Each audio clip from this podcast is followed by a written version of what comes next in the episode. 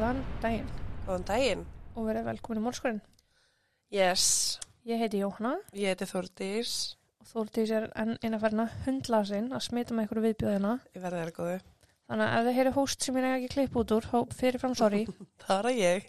Eins og svo bara vanalega. Já, Um, Árni veit mér málið, ég ætla rétt að minna á afsláttakóðan okkar hjá Scrubdaddy. Við erum núna búin að fá hann upp í 20%. jeps. Þannig að kóðin morðskurinn eða morðskurinn gefur ykkur núna 20% afslátt á öllum vörum inn á scrubdaddyisland.is. Já, og það er heimsending. Það er heimsending, já. Mm. Þið tekið voða væntum bara heimsendingu. Ég veit að mér finnst það svo næs að þurfi ekki að fara að sækja. Herðu, ég sagði þið frá postdótinu um daginn að ég hefði pantað eitthvað drasl á posthúsið og það hefði verið sendt aftur út. Já, Við þurfum að panta aftur. Ég glemt að fokkin sækja aftur. og er það að fara aftur út. Já. Aftur út. Jóna, Ég get ekki. Ég, nokkuð sem það, já. Oh my god, þú færði alveg fimm daga til að sækja, sko. Fimm, ég fæ mánuð. Ó, Í fimm dagar er maður myndur á það, sko. ó, ég ertu með það upp á posthús. Upp á posthús. Já, æ, ég líti límir í dag, sko. Já, þú veist, hann er nú komin hálfleginn til Hollands eða eitthvað. en- Já, veist, ég sækja alltaf upp í workclass, völlunum. Já, ég Það glemdi ég að sækja þetta í post 12, Mm, þannig að það var sendt á post hús, þar sem ég var mynd á það í fimm daga eða eitthvað, já, flott. og ég glemdi í fjóra vikur viðbútt. Mm -hmm. Mm, En allavega, Ryan Waller fættist hann 12. februar árið 1988 og var upprunlega frá Tennessee, en þegar málið sjálft á sér stað þá var hann búsettur í Phoenix í Arizona. all right. Þegar Ryan var ungur kom fljótt í ljós að hann bar ekkert öðlilega, að hann bar ekkert, að hann var ekkert öðlilega hæfileikaríkur þegar koma hverskins hljóðfærum en hann þurfti ekki nema að heyra lagabút og hann gætt spilað bútin á gítar eins og hann væri að gera það án þess að svo mikið sem hugsa. Já, Hann var því eftirsóttur gítarleikari í skólahljómsveitum þar sem hann naut bara mikill að vinselda. Meira get ég ekki sagt um hann. Hann virðist hafa verið bara ljúur strákur, hann kláraði mentaskólan og hann átti sér stóra drauma um að vera stór og mikill tónlistamæður og hann vann eins hart að því og hann mögulega gatt. En það er enda mikilvægt að minnast að það að þetta var mjög svo reglusami strákur. Það var nákvæmlega ekkert rugglega vesen á honum. mm, já, En vorið árið 2006 er Ryan 18 ára gamall og hann kynnist það ár draumastelpunni sinni Heather Kwan. Hún var fætt 10. april 1985, hún var þremur árum eldri en Ryan og þau höfðu þekkt síðan voru krakkar en áhugi hefði kviknað, svona romantískur áhugi hefði kviknað í setni tíð. Hún var nefandi við háskólinni í Arizona og var þar í grunn lögfræðinámi lögfræði grunnnámi en hún átti sér líka stóra drauma en bara allt, allt, allt aðra en ræjan. Hennar draumur var sá að hann langaði að vera lögmaður og hún vildi síðan meir verða saksóknari já, og hún vann hart af þeim, af þeim markmiðum. Þau flytja að lokum inn saman undir loka árs 2006 og voru með leigjanda Alicia. Það var eitthvað rótarna fyrst, fyrst fluttu ræjan inn til einhvers gaurs og gaurin flutti út og þá flutti heðurinn og síðan flutti Allison. ok, Bara eins og getur, þú veist, verið þegar maður er að leigja með mörgum. já, Hvað er þú búin að vera með marga leigjandur? marga. Mm.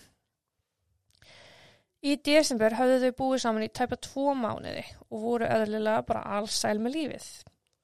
En á jóladag þann 25. desember sama ár, eða 2006, það átti fóreldrar Ræjans vona þeim í mat. Þau byggu jú ein en höfðu alls ekki hugsað sér að eigða jólunum bara tvö og því höfðu þau ákveðið þetta að fara sér til fóreldrar Ræjans í kvöldmat. Já, Já, eins og við veitum ekkert í hvað stafnir. ég veit nákvæmlega hvað mál er en það er, annað mál. Það er sagðið til næstu beður. Mamma Ræjans hafði reynd að ringa í svon sinn þarna um miðjandag þann 25. desember en Ræjan hafði ekki svarað. Það þótti svo sem ekkert óeðlilegt þannig enginn setti neitt sérstakt spurningamerki við þetta.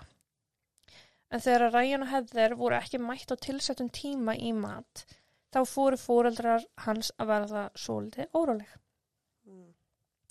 Þau höfðu vist reynd að ringja frá mótni og nú fram á kvöld og Ryan hafði ekki svarað sem þótti afar óvinnlegt og því ákveðu þau bara að keira yfir til svona síns og kærustu til að aðtögu hvort það væri ekki allt í góðu.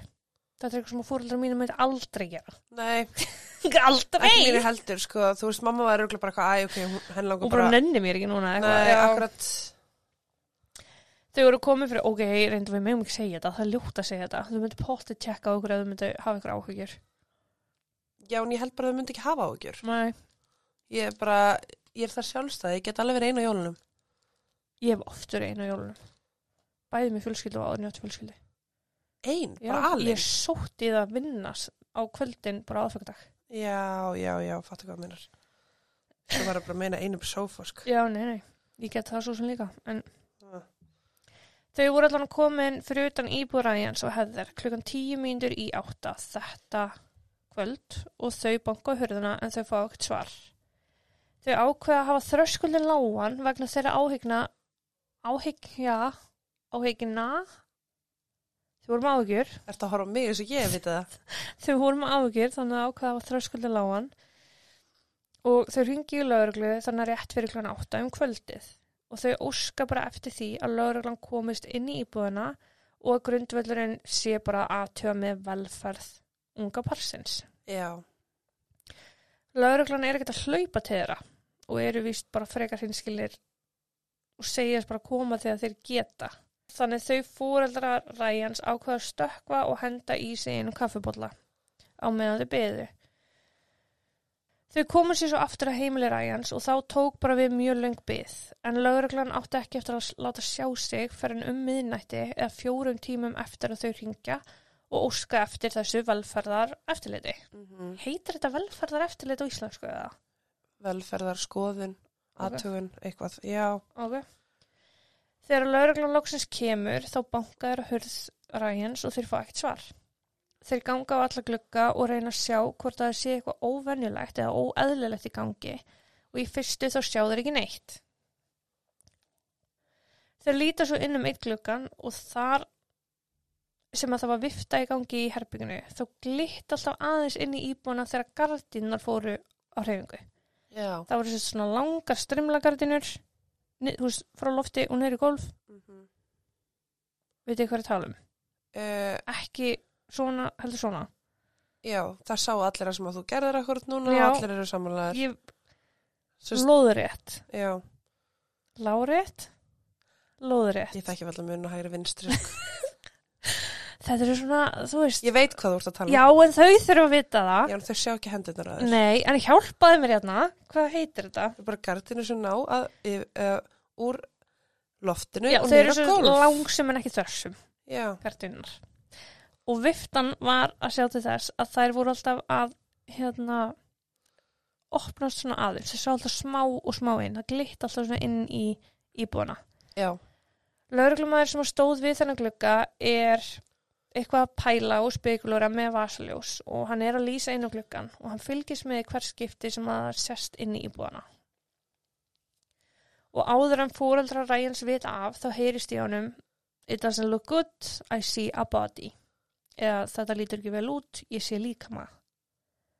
Lík, líkama. Lauruglumenninni reka nú fóreldra ræjans frá og byggja þau um að býða í fjallæð frá íbúðinni á meðan þeir aðtapna sig. En lauruglan fór ekki inn í íbúðina, þau ringja í staði dómara og óska eftir heimild til að fara inn í íbúðina. Sem er mjög svo óvenjulegt í ljósi þess að þeir segjast sjá líkama og eru þarna í velferðar eftirliti. Þeir náttúrulega hafa ekki hugmynd um hvort að þessi líkami sé að manneski sem er slösuð eða í lífsætti eða hreinlega dáin. já, Á þessari stundu vissu fóruldrar ræjans ekki hvort umvar að ræða són þeirra, tengdadóttur eða meðlegendan.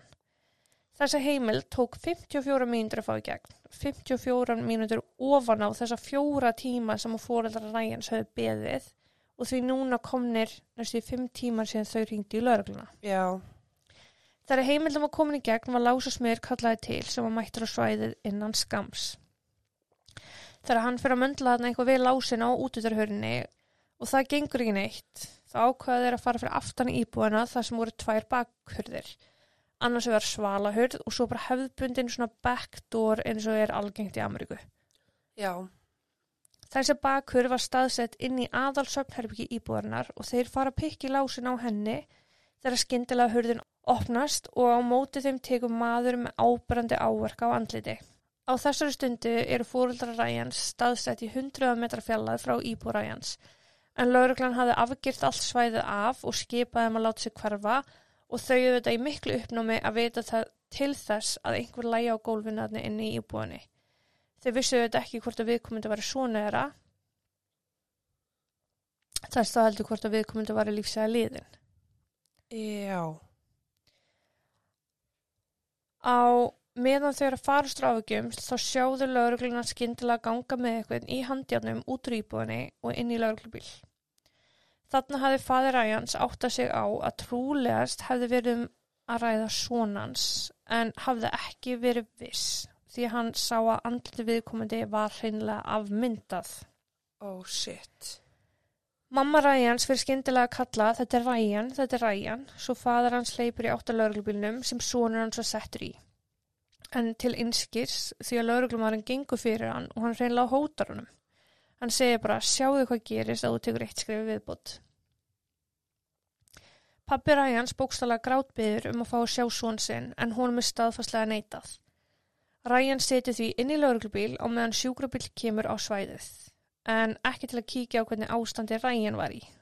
Þeir hlaupin í íbúina og stuttu síðar er staðfast að hefðar kærasta Ræjans var svo sem að lálátin á gólfinu þar sem að áverkar í andliti Ræjans voru mjög miklir. Þá benti allt til þess að átök hefði átt sér stað og þar með lág Ræjan undir grun að hafa orðið kærustun sinna að bana. Já. Fóröldarum Ræjans var hins vegar ekki tilkjent sérstaklega að svona er að lægi undir grun fyrir nokkur skapaðan hlut þegar maður skipa að koma sér heim og meðan rannsókn stæði yfir sem þau gerðu og gerðu algjörlega óvus um hvað var í framöndan. Ræjan var tekinir á laurugstuð þar sem hann er ljósmyndaður, ávarkar hans eru skráðið niður og hann síðan meir færður til yfirheyslu. Þessar yfirheyslur eru til og myndbandi og ég er steinhensa eins og allir aðri sem hafa fjallað um þetta mál að Ræjan hafi ekki verið veitt læknistjónusta áður en að yfirheyslan fór fram að því að maðurinn er auðsjónlega ekki bara slasaður, hann er bara tjónaður Já. í framann. Það er svo vörubíl hafi kert í hann sko. Shit. Á meðan hann er inn, inn í yfirheyslarherbyggi er hann að reyna að handja hann sjálfur sig við borðið sem hann satt við. Hann reynir svo að standa upp frá borðinu þó hann hafi búkstala verið að handja hann sig við það. Já. Hann finnur eitthvað tómt blað sem hann eigði bara rúmum fimm mínútum í að lesa. Bara stara það því að það stendur ekki nokkuð skapar hlut á blaðinu. Já. Já. En þegar yfirheysluna loksins byrja þá fara enn furðulegri hlutir að eiga sér stað. Paul Dalton er sá sem að fyrir með yfirheysluna og hann reynir að ná bara almennum upplýsingum upp úr ræjan. Uh, hvort hann hafi útskrifast á mentaskóla sem að ræjan svara neitandi sem er ekki rétt af því að hann útskrifaðist vissulega úr mentaskóla. Já. Þegar Paul spyr hann what grade did you finish og þá á hann við hvaða back kláraðuru þá svaraði ræjan B Já. sem er þá rægin að vísa í engun en greit getur auðvitað bæði þýtt bekkur og engun Mhm. en spurningin var klálega og mjög svo skýr hvaða bekk kláraðari. Já. Rægin kvartar um sáran hausverk og svara flestum spurningum með ég veit ekki, ég vil bara komast heim.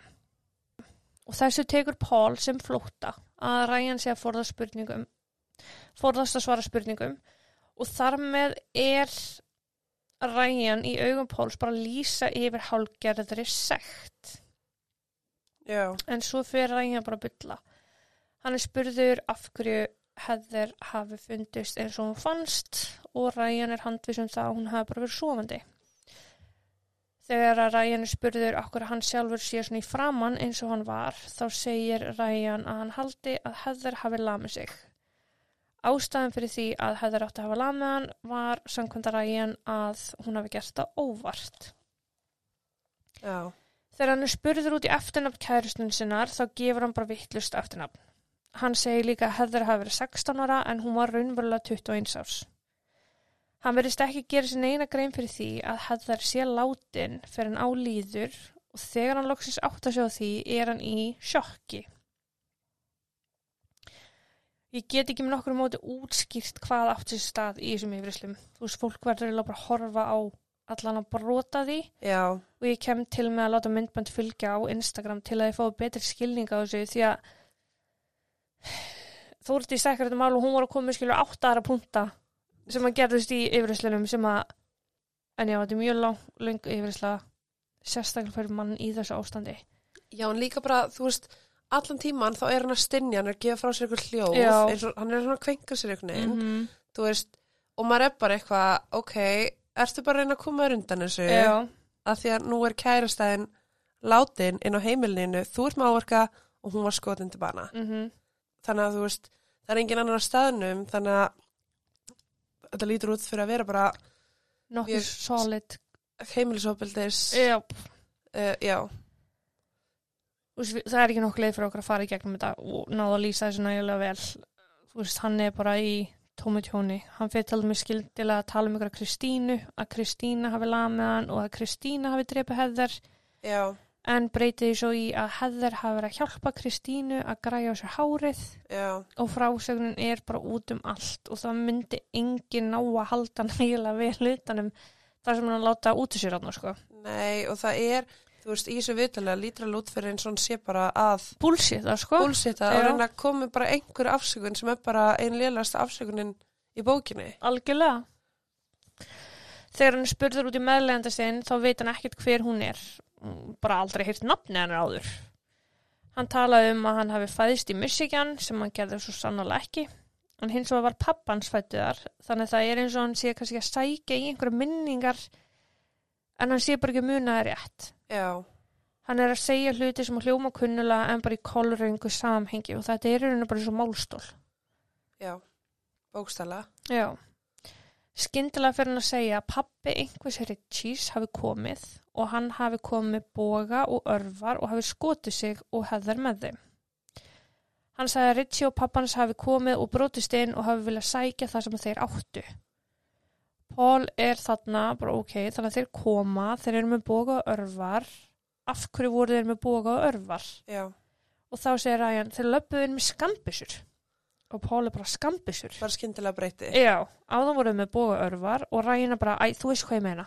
Já, bara já, sem er mjög típisan fyrir fólk með málstól. Já, Að það er að hugsa rétt, það kemur ekki rétt út úr sér, já, það gerir ráð fyrir því að þú vitir samt. Það sé verið að tala um þannan hlut. Já,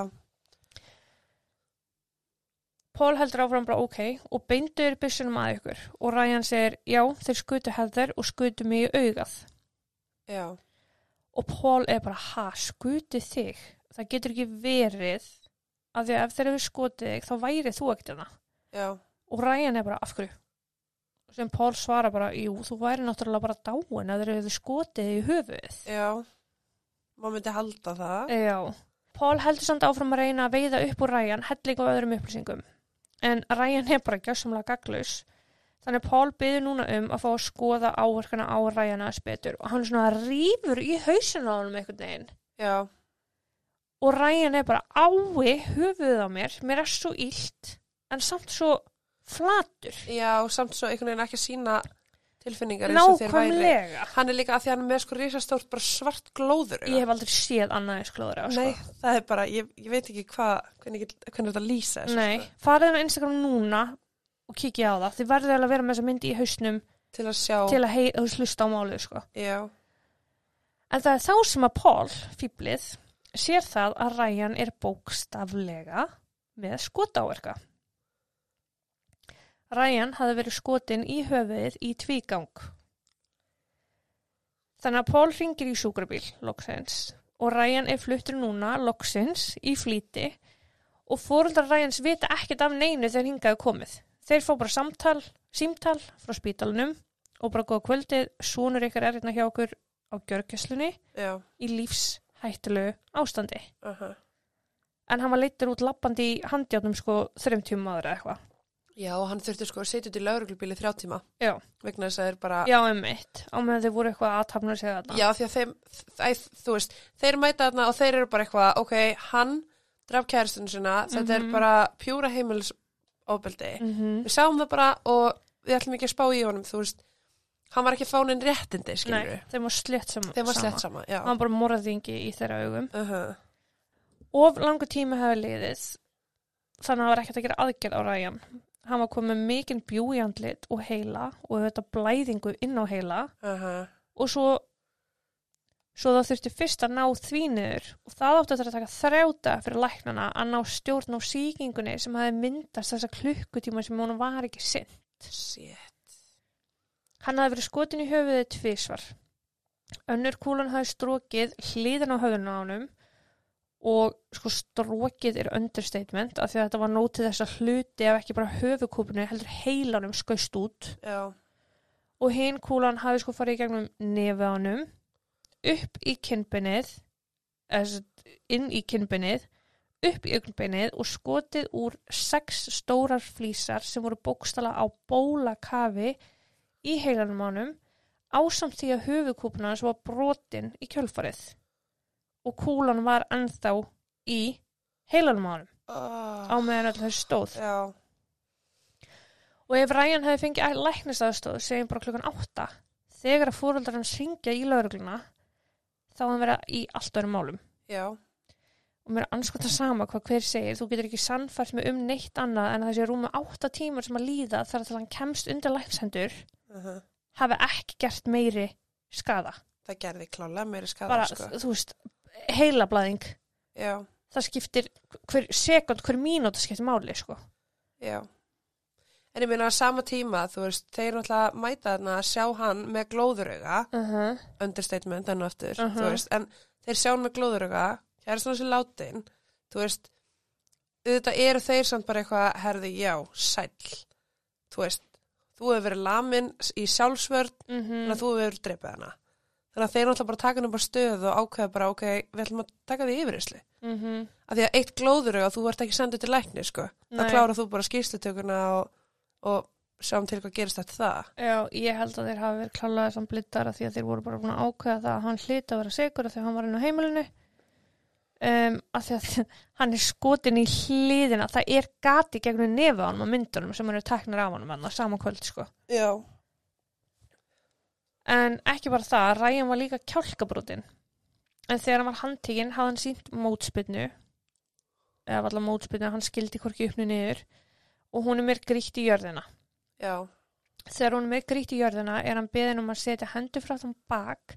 En hann hafði ekki sett hendur fyrir framann sig til að dempa fallið þegar hann var grýtt. Hann lá ofan á höndunum og tók á móti malbygginu með smettin á sér, bókstala með andlitin á sér þú veist það er bara náttúrulega viðbröð við dettum þá reynum við að setja hendurna fram fyrir okkur. Já. en hann hafði ekki tök á því, þú veist hann hafði ekki færnina til þess. Nei, og datt beint á andlið já. og hann hlýðir ekki að hann setur ekki hendurna fyrir aftur baka því hann var bara, þú veist, í þessu ástandi sem hann var í. Þannig að lauruglan ákveður að nota eitthvað punkt á kjálkunum. Punkt sem er vist bara ógisla vont að íta og lauruglega kent að nota þessa aðferð til að fá uh, hinn gruna til að hlýða Já. nema í tilfellaræjan sagði lauruglumæðurinn sem að sá um þessa aðferð gengi svo langt að hann reynilega brauti honum kjálkan hvort hann hafi ítt svona fast eða hvort hann hafi bara reynilega kýlt hann Uh -huh. get ég ekki sagt til um Nei. en sko kjálkabinsbrot er talið verið eitt af sársauka fylsta brot sem hægt er að upplifa Já, ég hef ekki upplefað það, mér langaði ekki. nei, þannig að hann var kjálkabrotin ofan í það að vera með byssukúli á flakki í heilanum í allan annan tíma og lauruglan bara, uh, uh, það þú veist, eins og bjánar Ég næstu, fyrir, nei ég, ég ætla bara að segja, ef hann væri segur, myndur þú þá vorkina hún svona? já, Ok. Ég bara spyrir. í, þú veist mér finnst lámarka allir fái þá læknisaðstöð sem þau þurfa. Það er bara Já, ómanniskjulegt að gera annað. Já, vissulega er alveg ykkur þú veist, ógíslegir einstaklingar að lúti en mér er alveg sama, þú veist, eins og þarna þeir vissu ekkert aðstæðna sem voru að labba inn í, nei, þær voru ekkert skýr þú veist, það voru náttúrulega mjög óskýrar í bestafalli en þess þá heldur að leifa honum að njóta vama og svo láta aðtjóðan mandlitið það var Mhm. sjúkrabíl hvort er á leiðinni.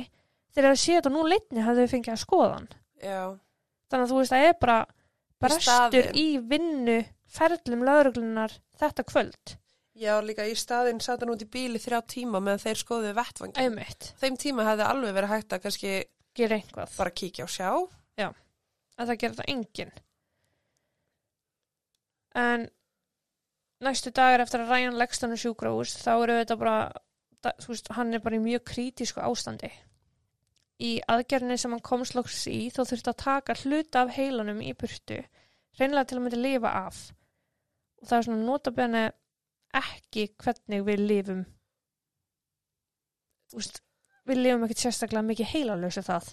En það voru betri voru kjör aðstæði fyrir hann að láta taka úr sér heilan Já, og lifa þannig heldur hann vera í því ástand sem hann var í. Það segir helviti mikið um það ástand sem hann var í. já, Hann endur á að missa annað augað að því að sérst kúlun hafi farið í gegnum augað sem að sást ekki vegna glóðurögas já, þegar hann var handtíkin.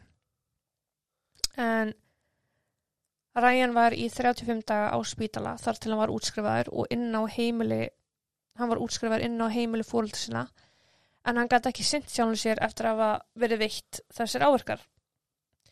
Lauruglan hafði ekki eitt skipti haft samband á þessum tíma, þeir hefði ekki beðist afsökunar, ekki aðtöða stöðun á honum, ekki neitt. Þeim tókst hins vegar að komast að því hvað hafði raunverulega komið fyrir þann 25. desember. En um miðjan dag þann 25. desember hafði Heather og Ryan ákveðið að horfa saman á mynd áður en þau færu í kvöldma til fóreldrar Ryans. Á meðan þau horfðu myndina var skyndilega brotist inn þeirra með látum en þar á ferð voru tveir menn, hinn 23 ára gamli Ritchie og fadur hans hinn 54 ára gamli Larry. Alveg eins og Ryan hafði reynt að segja í yfirheyslunum. já, Umrættir menn eru bara glæpamenn frá aðtölu, báðir með ansi langar og mjög skrautlegar sakaskrár fyrir hótanir, ofbeldsklæpi, fíknefnabrót og þjófnað. Vopnu rán, líkamsárusir með vopnum og ég veit ekki hvað og hvað, bara virkilega hættulegir gaurar.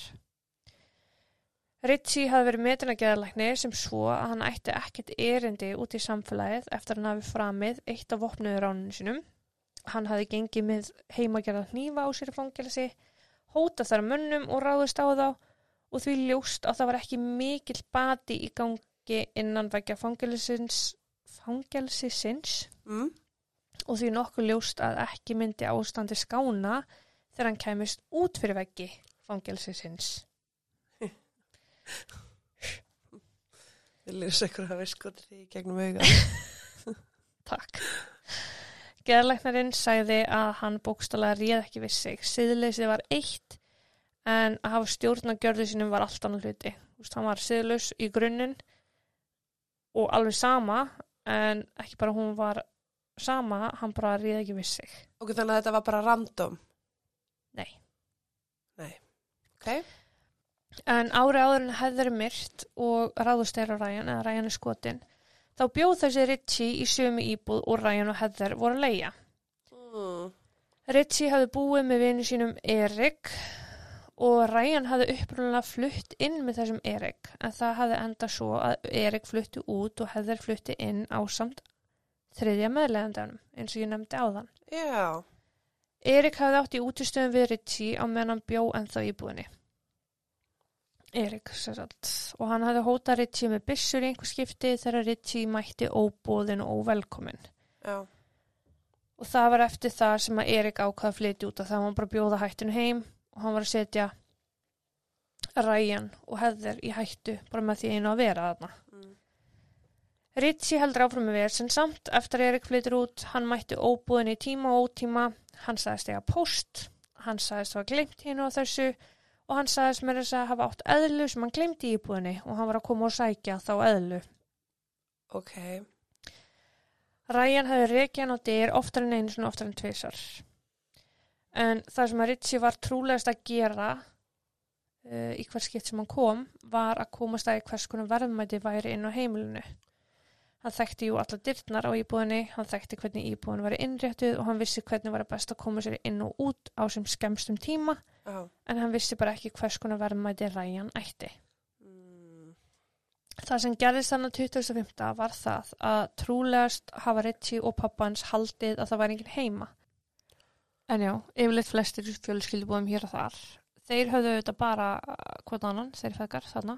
Uh, eða, þeir höfðu ekki bara hvern annan, þeir höfðu samælan áhuga á að brjóta af sér og fannst kjörutæki fyrir að gera það þannig dag. Flottir. Trúlegast hafa líka viljað fara inn í þessa íbúð að því að Ritchie átti heimaðan áður og því hægt að afvegleiða lauruglu ef að DNA-þans myndi finnast að reyni. Já, smart. Smart, smart. Ryan tekur eftir því að verið sé að reyna að brjótast inn svo hann stekkur trúlegast á fætur og hann reynir að loka hurðinni en það er þá sem að Ritchie dregur byssu og skýtur Ryan beint í andlitið í tvígang. Já. Ryan fellur þó nýra gólf og þeir feðgar gera fastlega ráð fyrir því að Ryan sé dáin en það skutur hann tvisar í hausinn. Akkurat. Þeir stíga yfir Ryan og ganga beint að heðir og skjóta hana beint í höfuðið og hún deyr samstundis. Hún satt hana í sófanum, var ekki að gera neitt af sér, hefur trúlega bara alltaf að standa upp og reyna að flýja þegar hún er bara Oh. skotin bara á milli ugnana sko. Shit. Þeir feðgar stela svo öllum steinun léttara og flýja vettvang en Ryan verandi þessi tónlista unnandi átti mikið að verðmætum uh, gíturum og því um tengt og þeir tóku þetta allt saman með sér. En lauruglan komst ekkert að þessu fyrir en átján dögum eftir 25. desember. Já. Þeir fara á þeim tíma að granslast um hana Ritchie frekar. Þú er það bara, hver er þessi Ritchie samt sem hann var alltaf að tala um? Já. hver er pappans þeir kynna sér hann og fara veist, að komast að því já ok, hann bjói íbúinanda áður ákveða að fara það heim til hans og spyrja hans spjarinnar úr Ritchie hefur sjálfsagt verið eins og kúkur að því að fjórundum síðar er löggimann mættur að taka hann hann er handtekinn Mm. og Ritchie var formlega handtekinn fyrir morðið á heðar Viku síðar hafði mamma Ritchies samband við lauruglu og hafði fréttar að færa.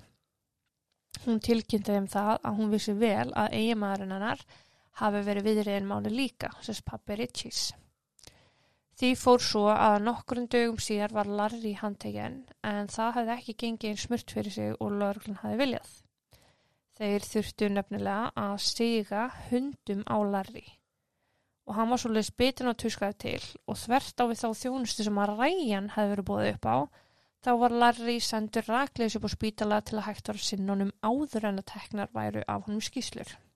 Oh my god.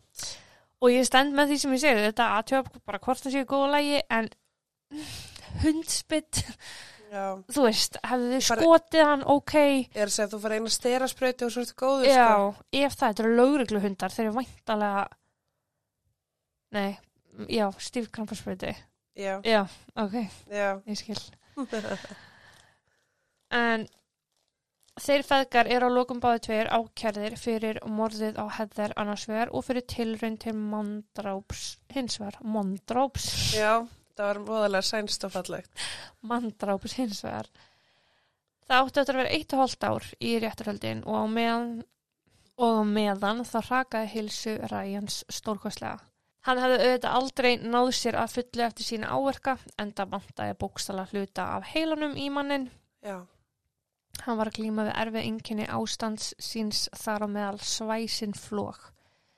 Hann hafði ekki getað sint sjálfum sér eins og ég nefndi og fóreldrar hans hafði þurft að sinna um alfarið hætta sínum vinnum til að vera bara starfsmenn sonar hins. Já. Hann var á veiðandi livjum en þau gerðu takmarka gagn. Loksins er að þrýr dagar voru í réttarhöldin fengur Ræjan og fóreldrar hans upplýsingar sem áttu eftir að gjörbreyta aðstæðum. Mamma Ritchies, eiginkona Larry, hafði ákveð það að hún ætlaði að draga tilbaka yfirlýsinguna sem hún hefði gefið laurglu einu og hálf ára áður. Hún stóð först á sínu núna, hún ætlaði ekki að bera vitni gegn eiginmannu sínum. Og þetta var því bara meira standa því hún var bara að gera það sem hún átti rétt á að gera. Já. Því fór svo að tveim mánuðum síðar, eða í júni 2008, þá stóð Ritchie fyrir framann dómara og beigð eftir niðurstu sínsmáls. Pældi ég samt að vera hann? Ritchie, mamman svíkur hann með því að þú veist, fríja pappans allt í hennu frá Já. öllu. Jöp. En svo situr hann bara einn í súpunni Já. með alla ábyrina. En hann var allan að fundur segur í eftirfærandi liðum. Morð að fyrstu gráði. Mhm. vopnar án óveigandi hátterni með vopn. Ósamileg meðferð á Hanna. eða eitthvað, ég er já, Þú veist, hann, átt, hann bara var með byssu og hann átti ekki að vera nótana. Og hann var í kjölfarið dæmdu til fangelsis, lífstegðadóm án mögulega á reynslösn eða allt sitt náttúrulega líf. já, Það hefði enginn gefist upp á að sakfella Larry og nú stóðu þeir sem að stóðu hefður og ræja næst e, að því að breyta lögunum. Í stuttumáli þá snúast lögin um undanþáu á réttundum maka en maki á það val að bera vittni gegn maka sínum í bandaríkunum. já, Má segja nei. Og hefður slá sjá til þess að ef maki kemur fram að fúsum og frjálsum vilja með upplýsingar gegn maka sínum um aðkomu þess maka í óbyldsglæpum glæpum, til dæmis, já, þá er ekki hægt að taka það tilbaka. Þá myndi svo yfirlýsing bara standa. já, Og það þýðir ekki að segja eitt eitt daginn og allt annað hinn daginn. nei, akkurat, Og þessi lög, þau fá þau í gegn og þau fá þau í gegn aftur á bakk. já, sérst að vera afturvirt, Já, sem verður til þess að Larry var dregin fyrir rétt árið 2011 og þar var hann eins og sonu sinn fundin segur í öllum sínum ákærliðum og var alveg eins og sonu sinn dæmdur til lífstæðarfangelsis ánmöguleika á reynslösn. já, Það ljóma kannski eins og einhvers konar réttlæti en það er það svo sannlega ekki því ég segi frá framhaldinu. En Ryan hjælt áfram að raka og hún rakaði mjög hratt. Flógin sem hann fekk þau ágerðust þau eru harðari og verri með hverju skiptinu. Hann hafði bitið af sér tunguna í einu flóginu. Hann hafði brotið af sér öklan í öðru. Hann hafði fengið flóg úti og lent á Malawi með andliti fyrst. oh, Hann fekk flóakast þar sem að eftirmálanir voru 40 spór í andlit. shit, Og að lokum þann 20. janúar árið 2016 þá lést hinn 27 ára gamli Ryan eftir að hafa fengið flók sem var ekki hægt að bjargunum úr. En flóið hafði orsakað heila blæðingu sem að dró hann að lokum til dauða. Og þetta er auðvitað bara bein afleðing árásarinnar sem hann varð fyrir uh og í raun bein afleðing þess að hafa ekki fengið þá læknis aðstóð sem hann þurfti. já, Ritchie og Larry hafa þó aldrei verið dæmdir fyrir það að hafa orðið uh, ræjan að bana, já, þess að bara hafa orðið valdar til já, sem er náttúrulega ekki sangjant en þeir sitja svo sem inni að eilífu mhm, en það er samt, það er ekki skráni já, það er ekki sama réttlæti, Já. Laurugludeildin í Phoenix þeir höfðu viðkjönd og gengist við því að þeir hafi verið valdar að þeirri kvöl og pínu sem að Ryan varð fyrir í kjölfar alls sem gekk á. En þegar að fóreldrar Ryans kærðu Phoenix laurugludeildina fyrir bara að hafa fokkað upp án þess að hafa betra leið til að segja í starfisinu þá þetta gengust þeir ekki við neinu. Nei, og þvert á móti þeir fengu lækni sem stóð með þeim á blaði. Mm, Læknirinn hafi sagt að áverkanir hefði ekki versnað á þessum sex á þessum átta tímum sem að Ryan hefði þurft að býða. Pappi Ryans hóstaði upp 10.000 dölum til að fá sérfræðing frá Flórida til að koma og vitna gegn þessu. En sá læknir sagði að þegar að kemur að heilblæðingu þá skiptir hver mínúta máli og þetta ger hún það. 100%, Og það á bara að taka og hyrða þetta læknarleifa af þessum mannfýbli sem að segir annað. Hann er bara ekki í starfisinu vaksinn. já, Takk bless. já, takk að bless, Fóreldrar Ræjans vildu gjarnan fara með þetta alla leið, bara fyrir réttarhöld, í réttarhöld, en þegar, en þegar rann upp fyrir þeim að það væri möguleiki á því að þau myndu tapa, þú veist, réttarhöldunum, þá Já. hættu við vegna hræðislum og sitja uppi með mörg hundru þúsund dala lögfræða kostnað, aha, bæði sem kostnað og þá kostnað Phoenix lögregludeildarinnar. já, það fellur alltaf á þau, Mhm, þú veist, það er umulegt að geta ekki trist kerfinu betur en þetta. Að þú veist sérði ekkert annað, annað en að þurfa bara að bakka út úr því sem að er bara rétt, þú veist, þau voru bara að gera rétt að kæra akkurat, út af því að, sko, ef að málskostnæður leggst á þig, það er bara helviti dýrt, sko. Mhm. Og í bandaríkanum, Já, er það grínast? þannig að, Við erum kannski að tala um einu og einu miljón hérna, en við erum að tala um sko tölvöld sem er í bandaríkanum. já, Lauruglumæðurinn Paul sem hefði farið með yfirheyslu Ryans á sín tíma hann var ekki færið til í starfi eins og fóruldar Ryans hefði uh, stungið upp á.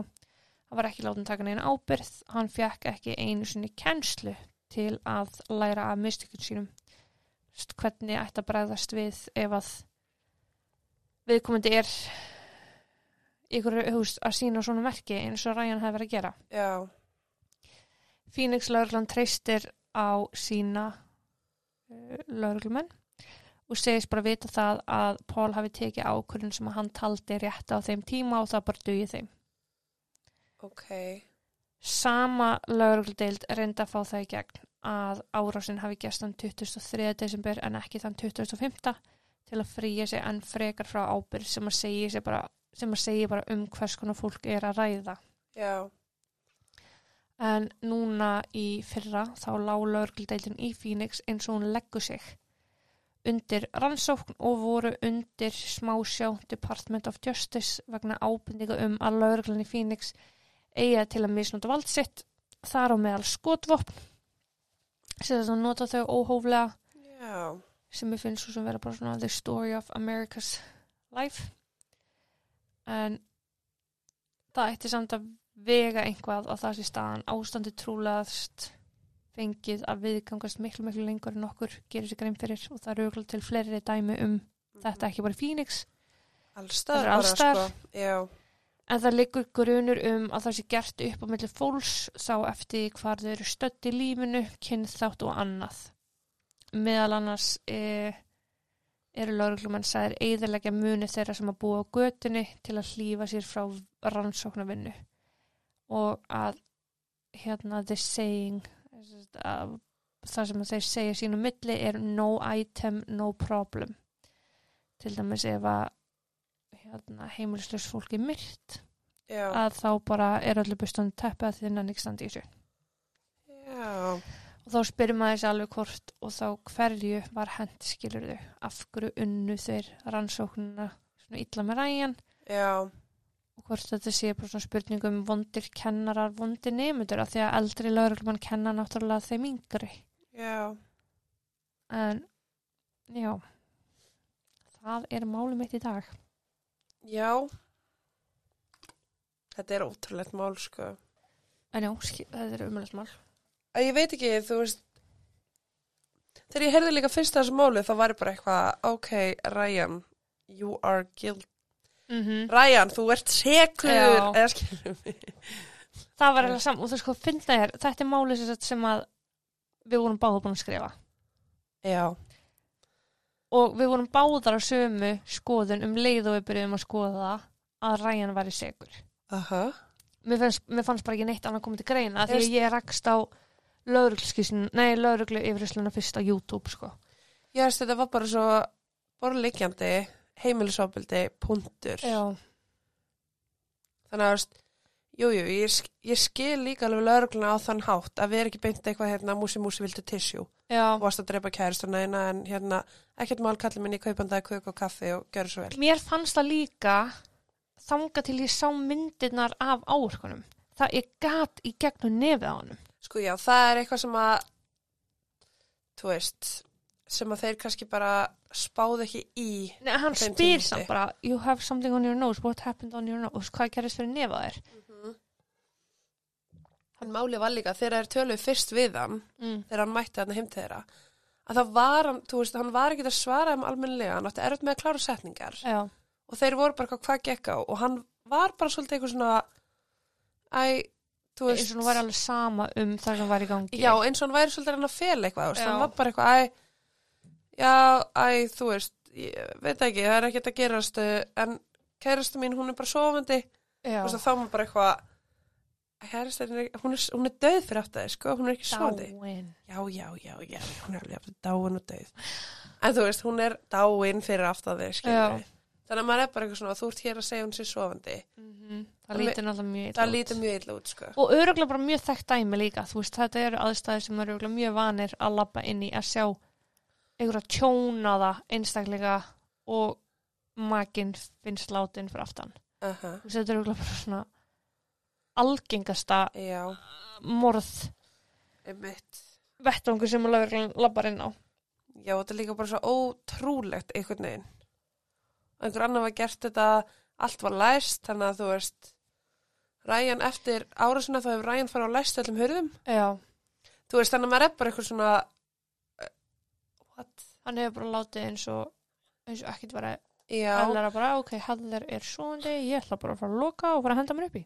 já, en þetta er, við sjáum þetta líka með málumans Peter Porko þú veist, hann fekk sko Já. heila exi í heila, Gegnum veist, hausin á sér. já, í gegnum hausuna sinna nánast. og hann bara einhvern veginn vaknar um morgunin Eins og ekkert sé. gengur niður tröppur, konar slátur við hliðina á honum, hann tekur ekki eftir Nei. gengur niður tröppunar fer og setur í uppþjóttavélina Mhm. það er í dagblaðið, þú veist, maður er bara eitthvað þannig bara með eitthvað fasta rútínu, skilur Já. það er eitthvað saman þarna, er múin að fá eitthvað já, Þetta er alveg svakalegt, sko. ótrúlegt, sko En, já, ég ætla að segja þetta gott dag.